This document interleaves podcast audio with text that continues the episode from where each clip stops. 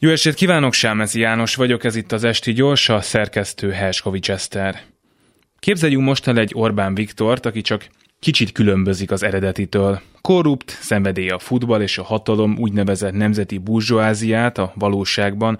a választások idején rendelkezésre álló pénzcsapokat épít a rokonaiból és barátaiból, a választók nagyjából fele és a jogállamisági normák iránt egyáltalán nem érdeklődik, szóval továbbra is viszonylag simán megbukna Európa legtöbb országában, de nekünk, magyaroknak ő tetszik. Az elképzelt Orbán Viktor abban más, mint az eredeti, hogy nem veszett össze minden korábbi szövetségesével, szóval a néppárt jobb szélén ugyan, de egy erős európai frakció baráti ölelésében kritizálja a túl terjeszkedő brüsszeli bürokratákat. Ugyanúgy kiáll a nemzetinek vélt érdekek mellett energiaügyben például, de nem vétóz meg tök feleslegesen diktatúrákkal szembeni szimbolikus kiállásokat, és simán meri azt mondani, hogy Putyin a hibás, hogy most erős és egységes Európára van szükség, meg persze békére is, ami viszont az orosz elnök és nem a szankciók miatt nincs. Szóval utóbbiakat sem pakolja fel brüsszelező bombás plakátokra pont akkor, amikor éppen Brüsszellel tárgyal az ország számára kiemelten fontos források kifizetéséről, amiket már csak azért is megkaphat, mert csak olyan gyermekvédelmi törvényt támogat, ami nem bélyegzi meg úgy mellesleg a szexuális kisebbségeket is.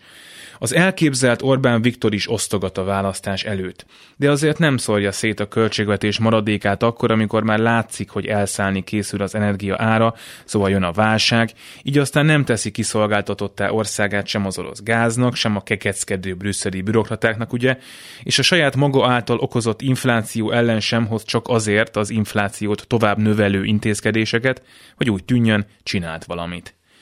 Az elképzelt Orbán Viktor is gond nélkül fogta rá az ellenzékére, hogy háború párti, és költött náluk százszor többet a kampányra, simán meg is nyerte a választást, szóval az elképzelt Orbán Viktor is Magyarország miniszterelnöke. Egy olyan Magyarországi, aminek jóval több szövetségese és barátja van,